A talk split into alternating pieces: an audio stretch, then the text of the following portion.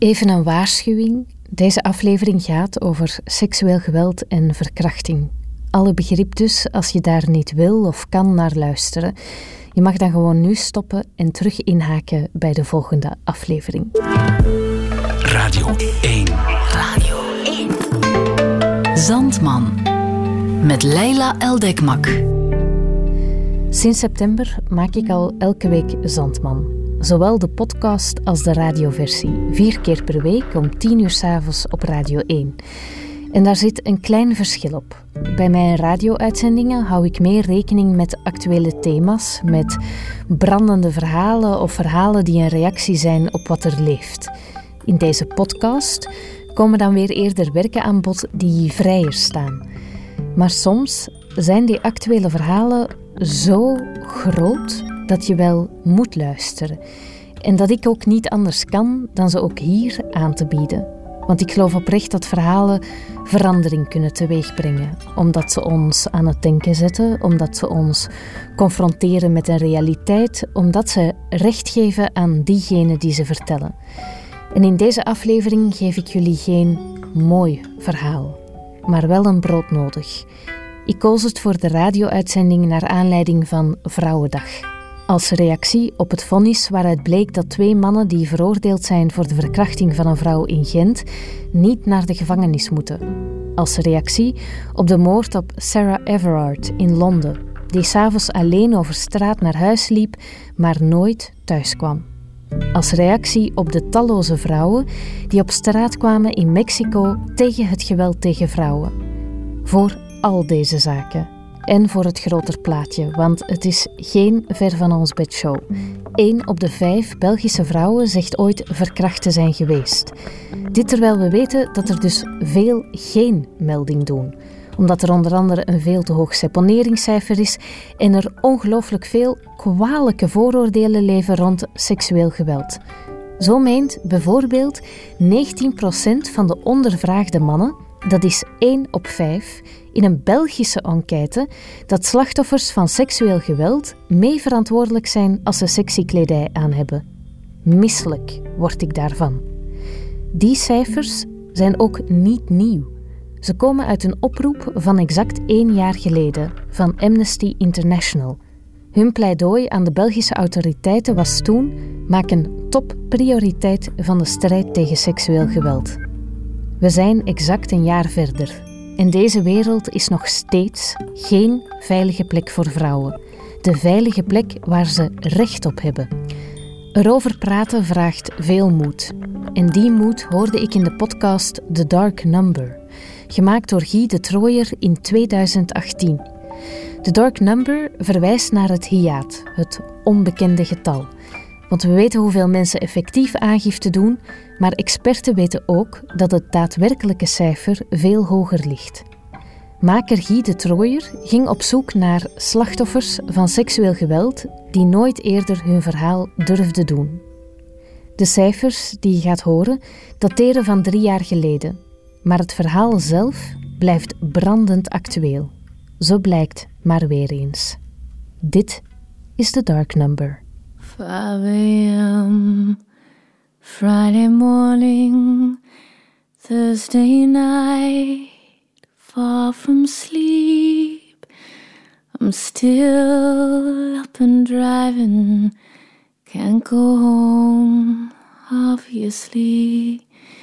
So I'll just change direction, cause they'll soon know where I live. And I wanna live. Got a full tank and some chips.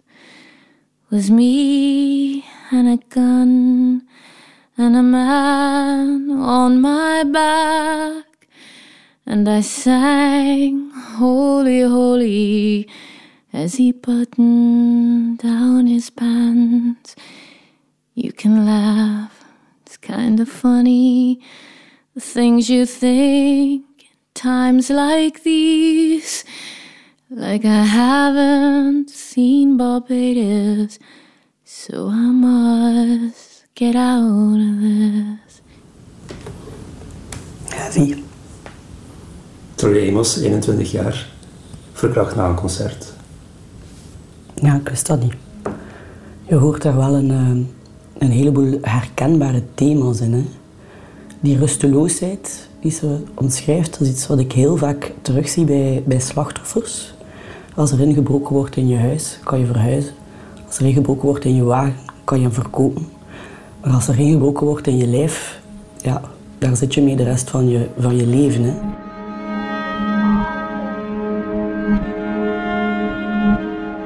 Mensen denken dat je verkracht wordt, dat je recht staat naar de politie en zegt ik ben verkracht. Maar ze vergeten wel hoe dat jij zelf in shock bent. Hoe dat je zelf niet goed weet wat je overkomen is. Je krijgt dat niet geplaatst. In dit geval kon ik op zijn minst zeggen dat ik geen aanleiding gegeven had, want ik sliep. Dus hoe onschuldig kan je zijn?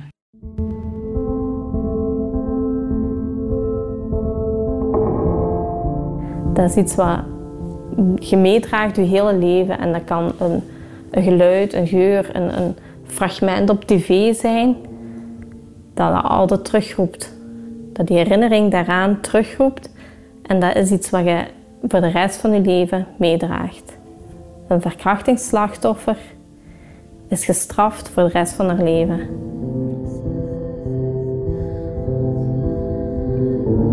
De schaamte en de schuld natuurlijk, hè. dat zijn uh, thema's die, die altijd terugkeren. Dat zal je heel veel, denk ik, bij je, bij je zoektocht naar het dark number, zal je dat heel veel zien terugkeren. De schaamte en de schuld die zo'n slachtoffer ervaart. Ik had ter voorbereiding van ons gesprek een aantal oude, oude dossiers nog eens herbekeken. En dan zie je de politie die ter plaatse komt na een aangifte van verkrachting. Wanneer we de woning betreden, schrijft de politie, zakt de vrouw huilend in elkaar. Het slachtoffer dient ondersteund te worden. De vrouw knijpt hard in de armen van opsteller, roept dat ze zich vies voelt en noemt zichzelf een slet. Dat is ook, wat terugkomt bij, bij Tori Amos. Hè. Yes, I wore a slinky red thing. Does that mean that I have to spread my legs for you? Yes, I wore a slinky red thing. Does that mean I should spread for you, your friends, father, Mr. Ed? was me and a gun and a man on my back. But I haven't seen Barbados, so I must get out of this. Wat je maatschappelijk heel vaak ziet, ziet terugkeren. Ah ja, je moest er maar niet zo bijgelopen hebben. Je moest maar niet op dat uur in de nacht zo gekleed als vrouw u alleen over straat begeven hebben. Wat dat heel erg is, want zo draagt je natuurlijk tot, tot victim blaming bij. Hè? En dat is iets wat je maatschappelijk heel vaak terugziet. En dat is volgens mij een van de voornaamste redenen waarom dat vrouwen geen aangifte doen. Nina van Eekhout is advocaat en weet waarover ze spreekt. Elke dag doen in ons land tien vrouwen aangifte van verkrachting. Maar het dark number, de vrouwen die zwijgen na verkrachting, is vele malen groter. Naar schatting 9 op de 10 slachtoffers van verkrachting durven geen aangifte doen. Zij zitten in geen enkele statistiek. In deze podcast gaan we op zoek naar de vrouwen achter het dark number. We doen een oproep op enkele Facebookpagina's in de hoop hun verhaal te horen. Een eerste reactie krijgen we van een jonge vrouw die nooit aangifte deed van haar verkrachting. Zij wil haar verhaal vertellen, anoniem, en schrijft een brief naar ons. Hoe begin je te schrijven over een gebeurtenis die je eigenlijk voor altijd wil wegstoppen? Laat staan dat ik er dan over wil praten. Wegstoppen, vergeten en verder gaan is een van mijn levensmotto's geworden. Op 23 april 2014 gingen mijn buurjongen, die ik al heel mijn leven ken, en ik uit in onze studentenstad. Hij zat niet op kot en om toch uit te kunnen gaan, bleef hij minstens twee nachten per week bij mij slapen. Voor mij was dat nooit een probleem, omdat ik hem vertrouwde. Hij was mijn beste vriend, de persoon waar ik alles tegen kon zeggen. Hij was diegene die maanden ervoor, ook al zag ik er enorm tegenop, mij op mijn 21ste verjaardag met een roadtrip verraste. Tot hij mij die avond verkrachtte. Ik heb enorm veel moeite om deze gebeurtenis te benoemen als een verkrachting. Stem 1 in mezelf zegt: Ik heb minstens evenveel schuld aan wat er die avond gebeurde. Stem 2 zegt: Waarom zou dit mijn schuld zijn? De pijn tijdens was verschrikkelijk. De psychische pijn erna is verlammend. Dat is niet iets dat ik zelf veroorzaak, wilde. Maar toch wint stem 1. En daarom wil ik geen aangifte doen. Die vriendschap is, is, is voorgoed kapot. En hij heeft zich toch wel getoond als een, als een vreemde bijna. De man die ze zo vertrouwde blijkt een vreemde die op dat ogenblik zijn eigen lust en zijn eigen um, belangen gewoon prioritair heeft gesteld aan, aan haar. Dat is iets dat zeer vaak terugkeert. Je bent gewoon een gebruiksvoorwerp op dat ogenblik. Ziet hij nog wie je bent? Je wordt verontmenselijkt. Je was toch een vriendin, een vertrouwenspersoon, iemand aan wie jij misschien de meest intieme dingen vertelde. Je ziet toch iemands gezicht, je kent toch iemands hart. En, en op dat ogenblik doet dat er gewoon allemaal niet meer toe. Hè. Is die is die man totaal verblind. Vijf minuten later had hij er misschien verschrikkelijk veel spijt van gehad hebben. Maar het is wel zo dat je als slachtoffer gewoon geen gezicht hebt op dat moment. Je bent gewoon iemand waar dat hij zijn lusten op bot viert. En dat is een, is een ondraaglijke gedachte. En het duurt zo kort en het maakt tegelijk alles kapot. Het maakt alles kapot. Het is eigenlijk een soort moord. Hè? Het is een moord op de persoon die je was en die je nooit meer zal zijn.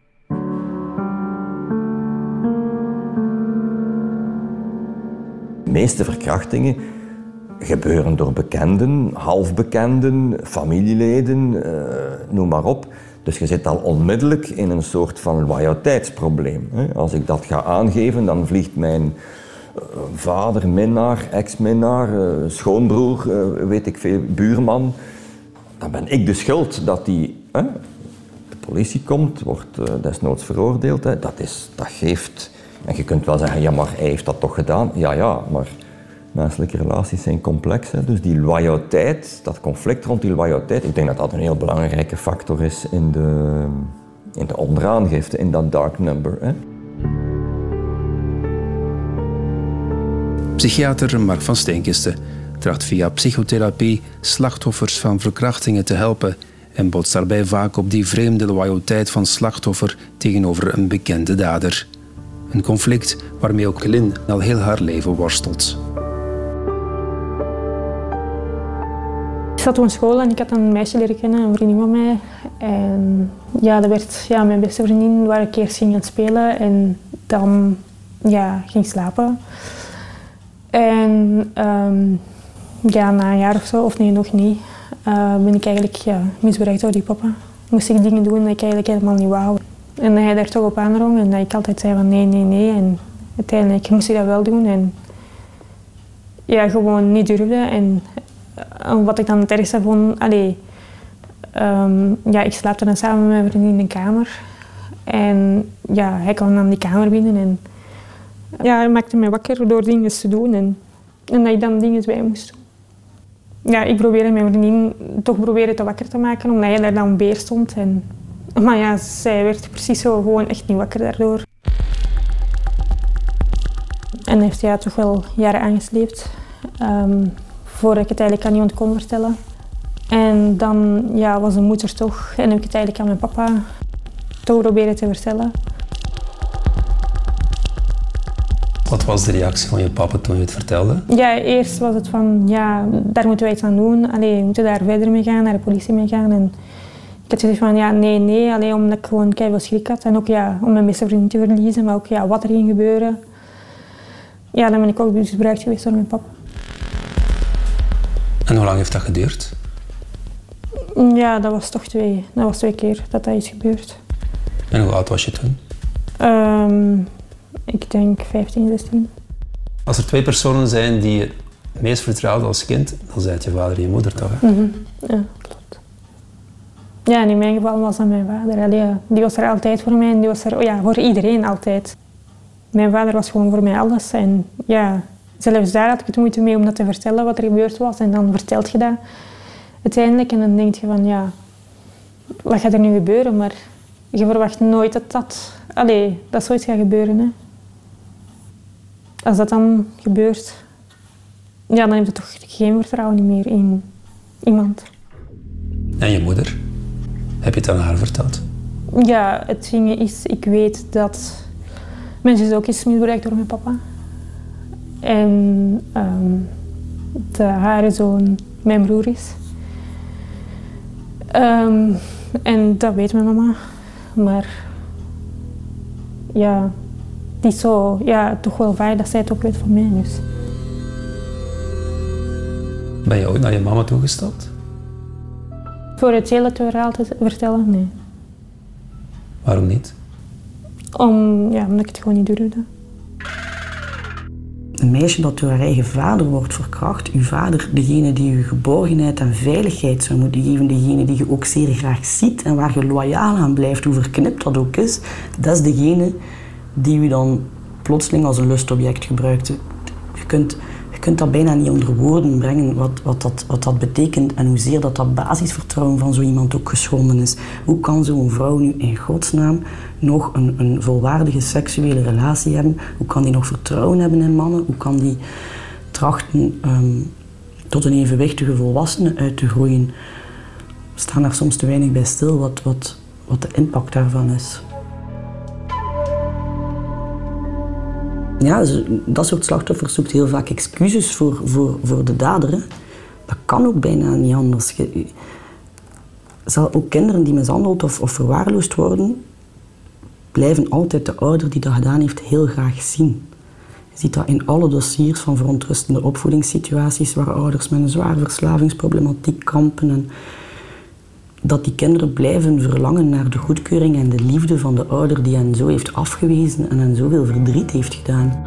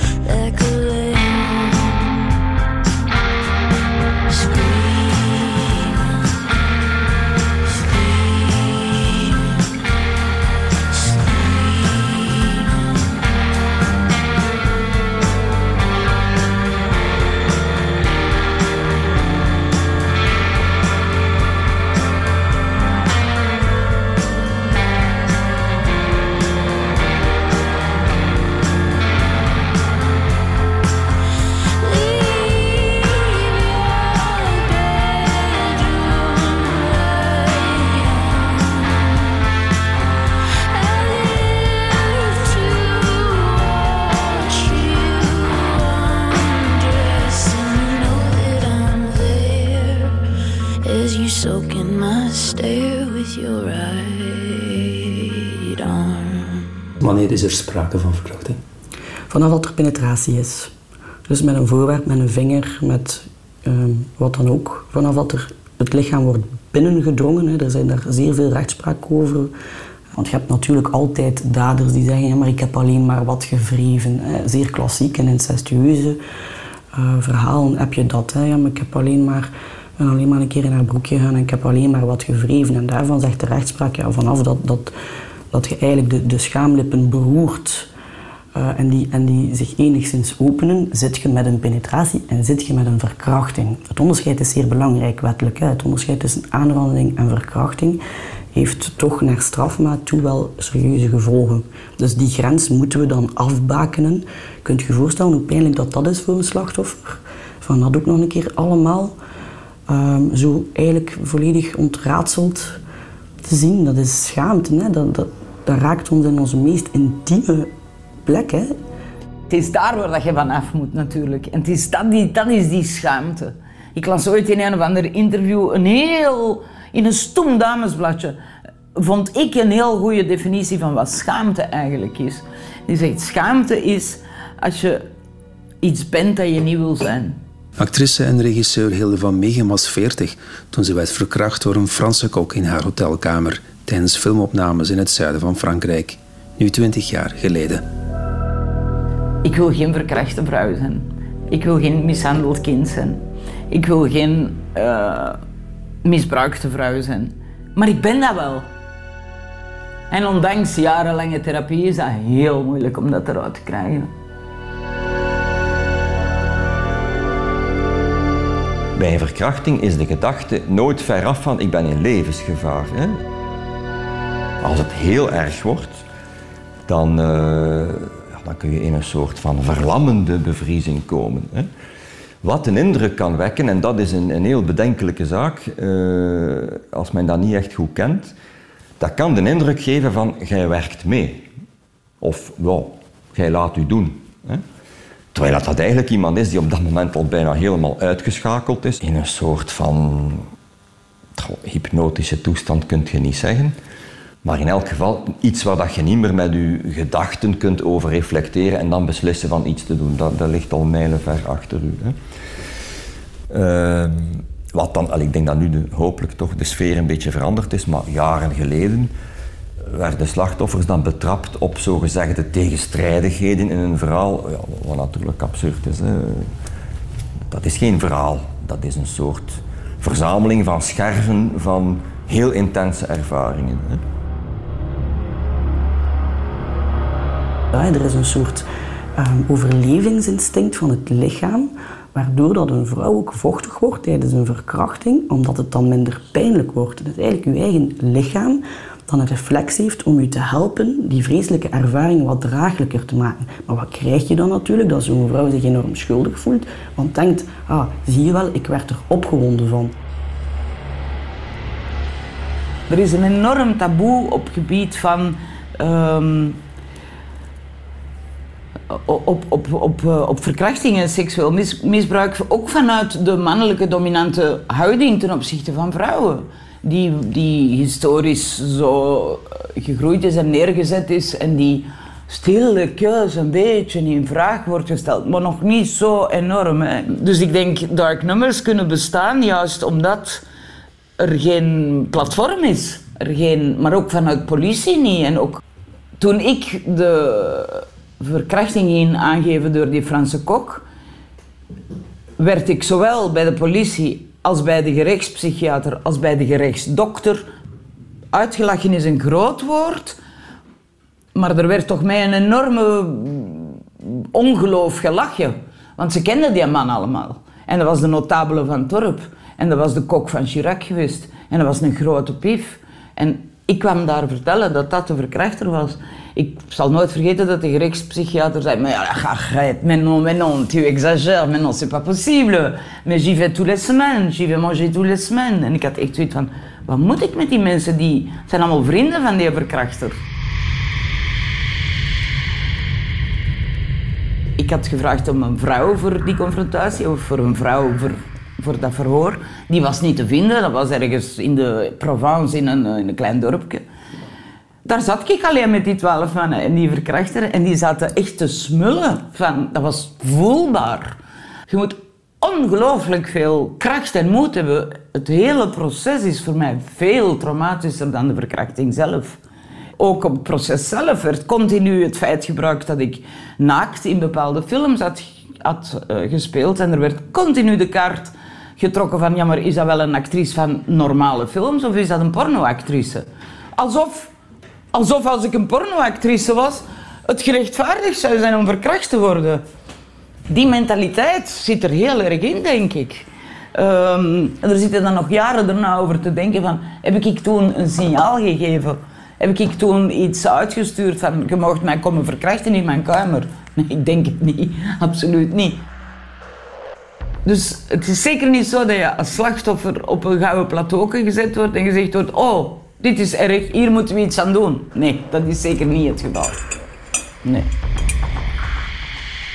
Je merkt dat ook bij verschillende vrouwen met wie ik gaan spreken ben. Vrouwen die durven praten over hun verkrachting, wat ongelooflijk veel van hen vraagt. Mhm. Wat voor reacties ze krijgen op sociale media. Ze worden uitgemaakt voor alles en nog wat. Voor horen, voor alles en nog wat.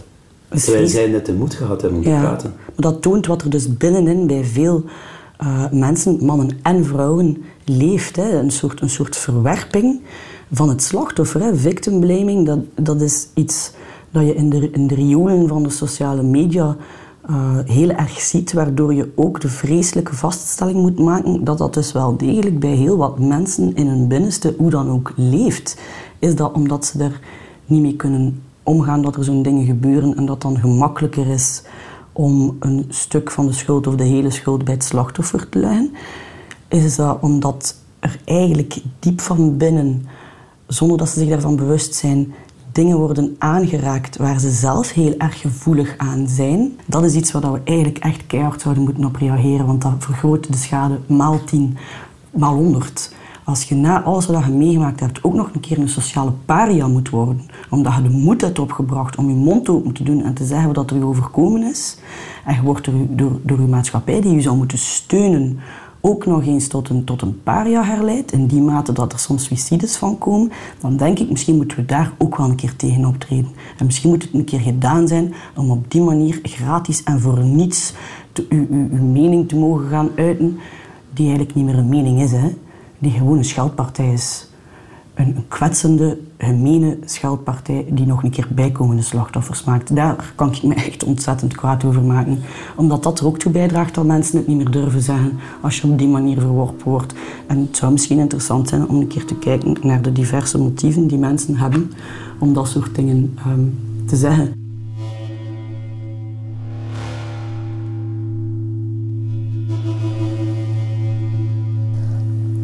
Veel mensen denken van ja, je bent getrouwd, dat, eh, je, kunt, je kunt niet door je partner verkracht worden. Maar een nee is een nee.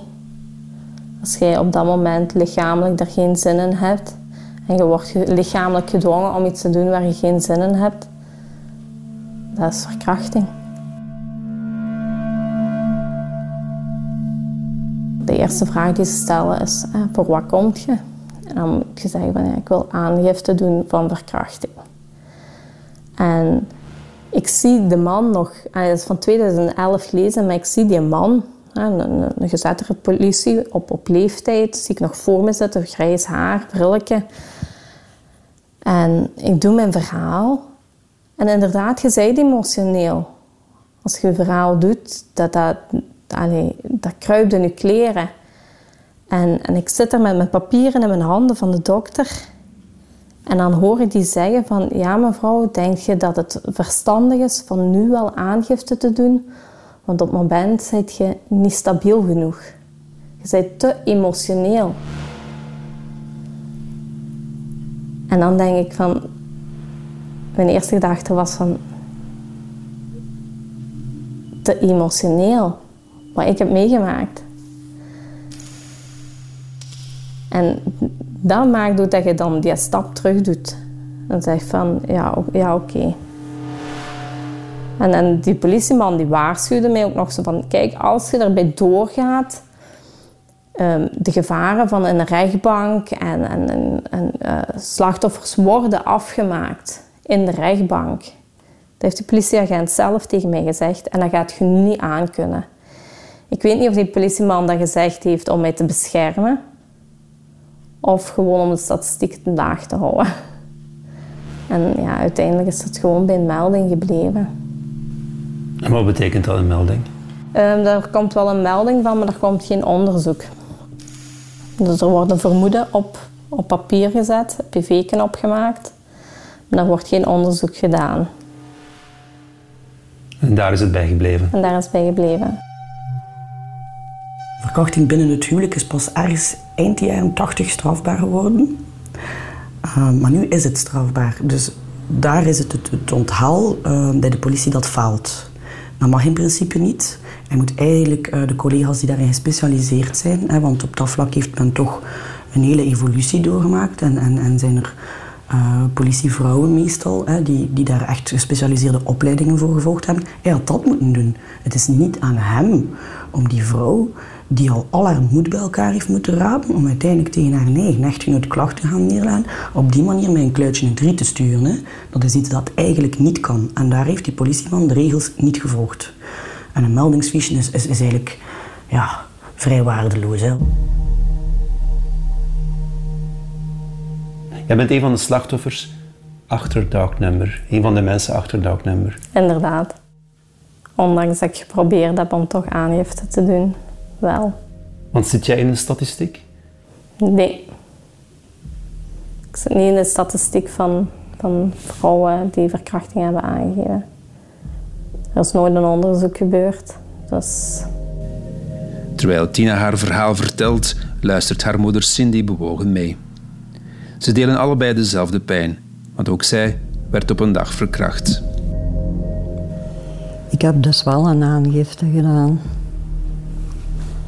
Daar waren ook getuigen. Uh, ik werd alleen verhoord, er mocht ook niemand niet meekomen. En de dader werd verhoord in mijn bijzijn. En toen ik naar buiten ging, klopte me de dader op zijn schouder en zei: Och, madameke, vergeef hem maar, hij was verliefd op u. Ik heb alleen achteraf een hele zware backlash gekregen, zowel van vooral mijn kinderen dan ook. Uh, ook van de omgeving. En dat is dus een van de redenen waarom ik ook denk dat zij bang is geweest om verder te gaan. Zo ken ik nog mensen die na mijn verhaal geen aangifte gedaan hebben, omdat ze weten hoe het gaat. De dader is ook nooit veroordeeld geweest. Hij is gewoon veroordeeld geweest, verslagen en verwonden. En omdat hij daar echt niet onderuit komt, maar dan met zo'n klein straf, dat mijn kosten nog niet gelijk waren. Maar je draagt dat je heel leven mee. Allee, wij dragen daar nog de gevolgen van. Tot en met mijn kleinkinderen toe.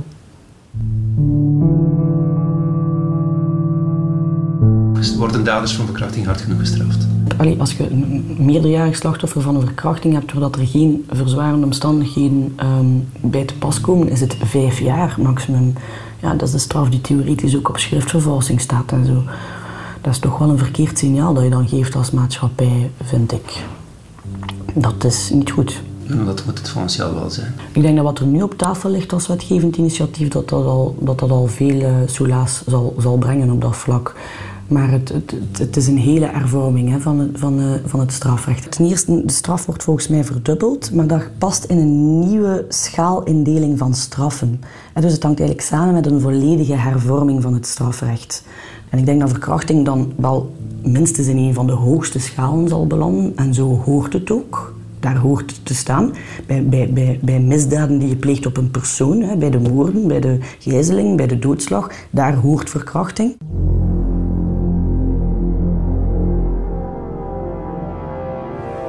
Voelt die onmacht mee. Je ervaart die, die, die onmacht mee. Soms word ik er innerlijk razend van. Hè. Je kunt als mens niet onverschillig blijven bij wat een mens een andere mens kan aandoen. Dat gaat niet. En ik probeer wel de nodige professionele afstand in acht te nemen, maar voor mijn, mijn verkrachtingsslachtoffers ga ik soms ver. Um, ik, ik sta er ook altijd op te zeggen dat ze dat echt niet aankunnen, omdat ze meegaan naar de zitting. Dat ze zien dat die dader erleid wordt tot wie hij is, dat hij gedemythologiseerd wordt. Want heel vaak neemt die man in hun hoofd de gedaante van een, van een reus aan, hè, van een monster. En, en, en die diabolisering is, is niet goed ook voor hen, omdat ze daar dan voor een stukje blijven in, in vasthangen. En dan neem ik ze mee naar de zitting en dan, dan, dan zien ze hem daar aan een rechter om, om genade smeken bijna. En dat helpt wel. Het is wel wat, wat, wat louterend in het verwerkingsproces.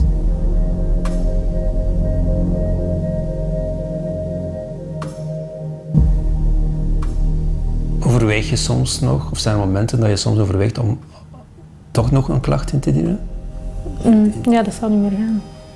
Uiteindelijk. Dus ja, dan vind ik die verjaring echt wel heel ja, belachelijk, omdat niet iedereen, ja, niet iedereen durft het gewoon vertellen. En er gaan jaren over en jaren over. Dus ja, ik vind het echt wel ja, heel stom. Ik vind dat er geen verjaring mocht opstaan. En in zekere zin is dat juist. Hè. In zekere zin is dat juist.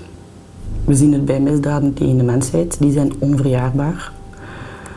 Um, en dan gaat het over genocide enzovoort. Maar eigenlijk, als ik spreek over de verwoestende gevolgen die dat heeft voor iemand, dan denk ik dat je daar wel zou tegen kunnen overzetten dat het onverjaarbaar moet zijn. Maar je gaat altijd met je bewijslast blijven sukkelen. In alle dingen die wij hier besproken hebben, zowel um, de, de, de verkrachtingen, vooral de verkrachtingen in, in, in vertrouwelijke uh, in vertrouwensrelaties, als, als zelfs um, de dader die je van je fiets sleurt, zie ik niet goed in hoe dat je twintig jaar na datum nog kunt reconstrueren, kunt sporen vergaren, kunt trachten tot de identificatie van daders te komen. Dat zal het voornamelijk zijn. Je kunt het, het zou mooi zijn als principe, hè, om het, omdat slachtoffers daar ook heel vaak mee worstelen. Maar het zal verjaard zijn, dus het zou mooi zijn als principe om te tonen, wij als maatschappij vinden dit zo erg, hechten hier zoveel belang aan, dat wij beslissen dat dat niet kan verjaren. Maar je zal in de praktijk niet tot veel meer oplossingen komen, niet tot veel meer veroordelingen komen, niet tot meer uh, dossiers waarin dat waarheid uiteindelijk aan het licht komt. Days like this, I don't know what to do with myself all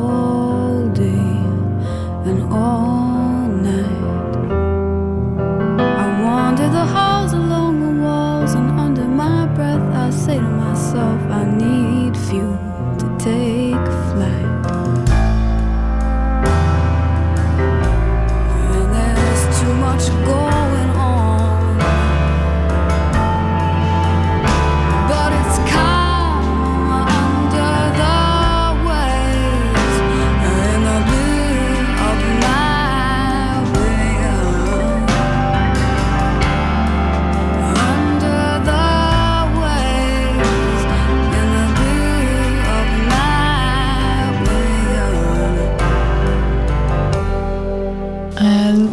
Jaar geleden ehm, was ik uit in Leuven en ik ben met een vriend op dat moment, eh, of ja, een jongen die ik goed kende, ben ik meegegaan naar zijn kot. En dus in eerste instantie heb ik toestemming gegeven, maar daarna heb ik eh, die niet meer gegeven, heeft hij dingen gedaan waar ik geen ja op had gezegd. En ehm, uiteindelijk ben ik dan ook de volgende ochtend eh, gewoon weer vertrokken van zijn kot. Alsof dat er niks gebeurd was. En ik ben ook pas de volgende ochtend vertrokken met eh, eigenlijk een heel raar gevoel van schaamte. Maar ik ben dus ook ondertussen niet weggegaan. Um, terwijl ik misschien wel de mogelijkheid had. Ja, dat is eigenlijk. Ik, ja, ik wil, kan het niet heel gedetailleerd vertellen, omdat dat te.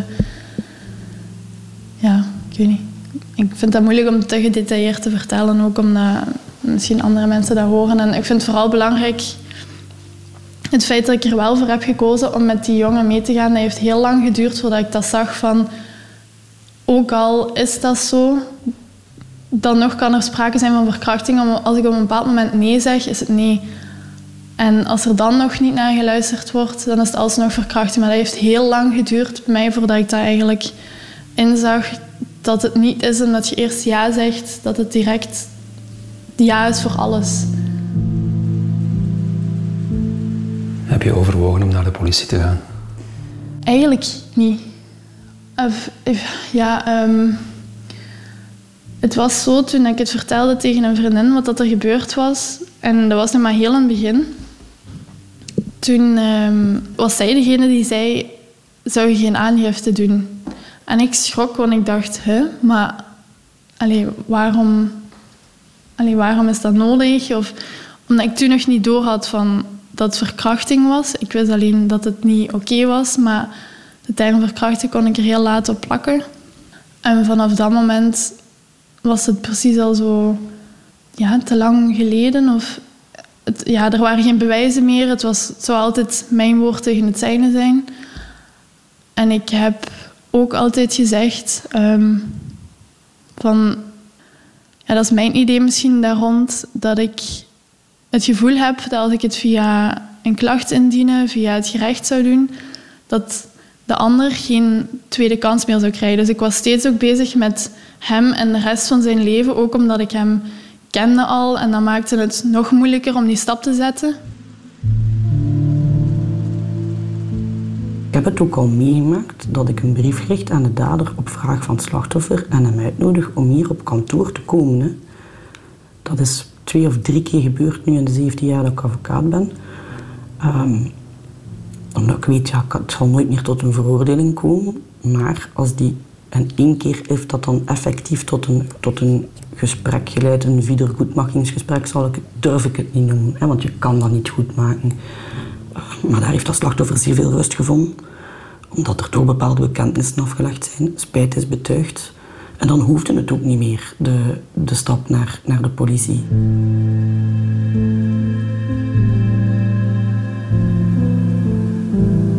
Het feit dat ik hem kende maakte het sowieso al moeilijk om die stap te zetten, omdat je dan er echt mee naar buiten komt. Ze voelden het voor mij toch. Dan zeg ik, die persoon heeft dat gedaan. En ik wou hem liever eerst zelf confronteren, voor ik die beslissing zou nemen. En ja, ik heb hem geconfronteerd en hij heeft zijn excuses aangeboden. En eigenlijk was dat voor mij genoeg. Um, in het begin was zijn sorry zelfs een enorme opluchting, want ik had dat niet verwacht. En was dat een tijdje genoeg om mij echt volledig goed te voelen. Ik dacht, nu is het voorbij, ik voel me niet slecht, hij heeft zijn excuses aangeboden. Maar op dit moment begint het steeds minder voldoende te zijn. Het is... Ja, het, het, wordt moeilijker. Oké, mijn, mijn, mijn leven gaat verder en het gaat, het gaat goed. Maar ik, ik zie hem ook nog. Ik zie hem nog in zijn leven. Allee. En met hem gaat het heel goed. En dat is pijnlijk om te zien. Want met mij gaat het goed. Maar um, nooit 100 procent.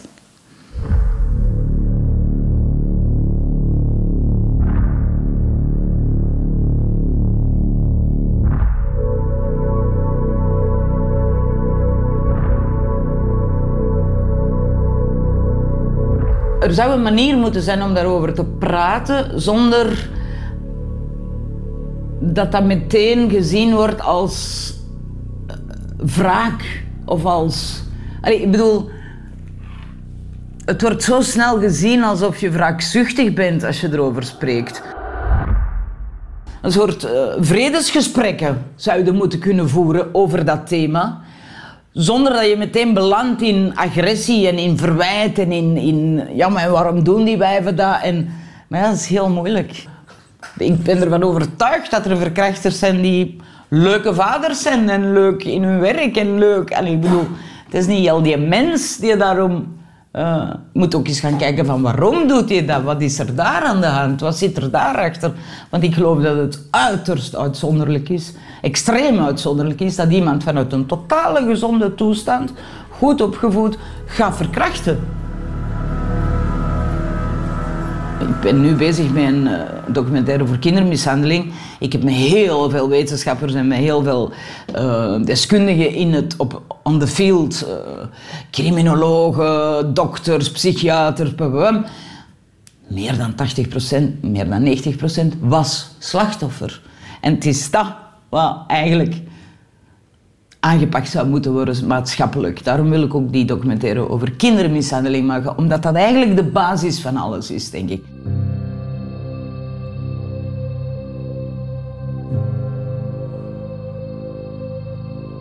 Hoe kan ik terug aansluiting vinden bij het leven dat mij is afgenomen? Trauma neemt u uw leven af. Een verkrachting neemt je leven af. Ergens is, het heel belangrijk om terug te kunnen aansluiting vinden. Ik zou bijna zeggen, bij de persoon die je zou kunnen geworden zijn, was dat niet gebeurd. Dat moet eigenlijk de ambitie zijn. Ik geloof daarin. En ik, durf zelf zeggen, um, het is niet simpel. Hè? En ik denk dat je natuurlijk...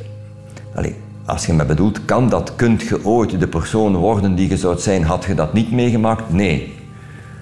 Zo'n ingrijpende gebeurtenis verandert u en dwingt u ook van over het leven te gaan nadenken. Maar als je mij vraagt, kan dat van daar voorbij te geraken en daar iets mee te doen? Ja, daar durf ik ja op zeggen. Ik zeg niet in 100% van de gevallen, maar ja,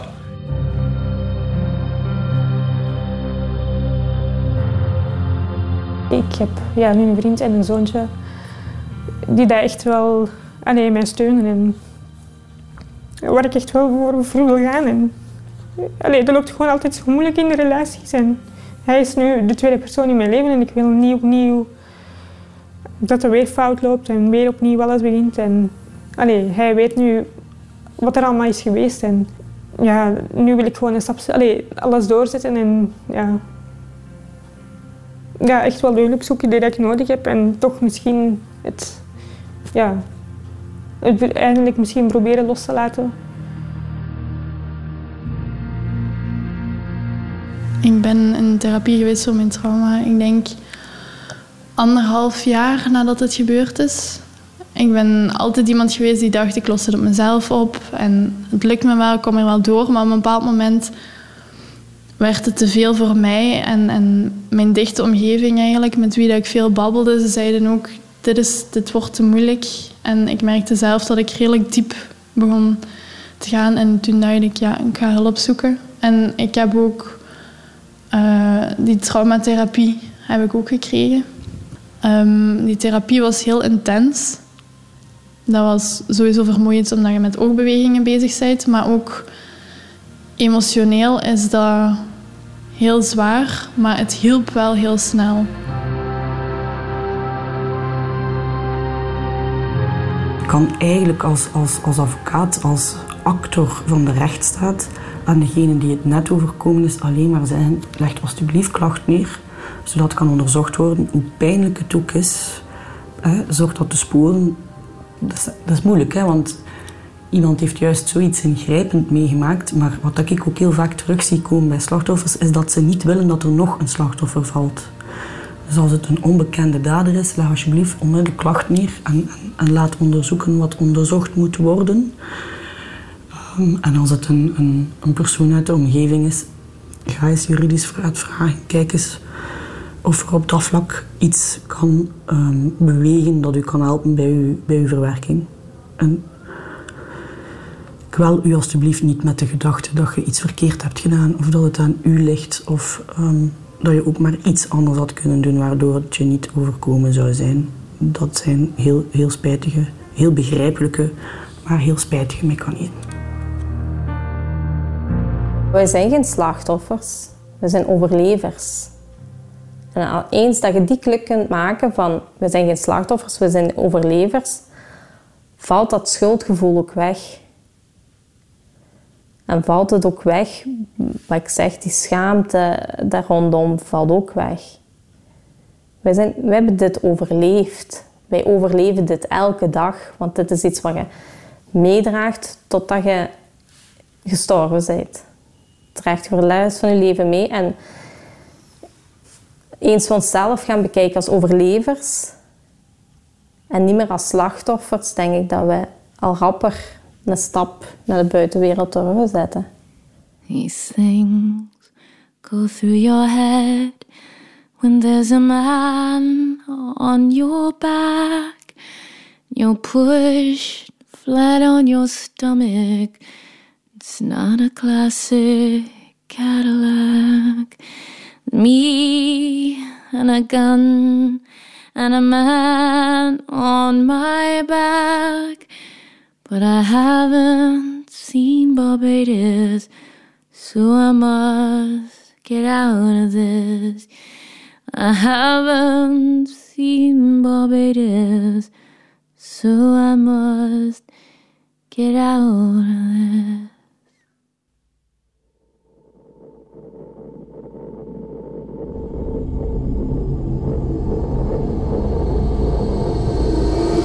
Radio 1. Dit was The Dark Number, een podcast van Guy de Trooier voor VRT Nieuws uit 2018. Montage is van Christine van Tichel.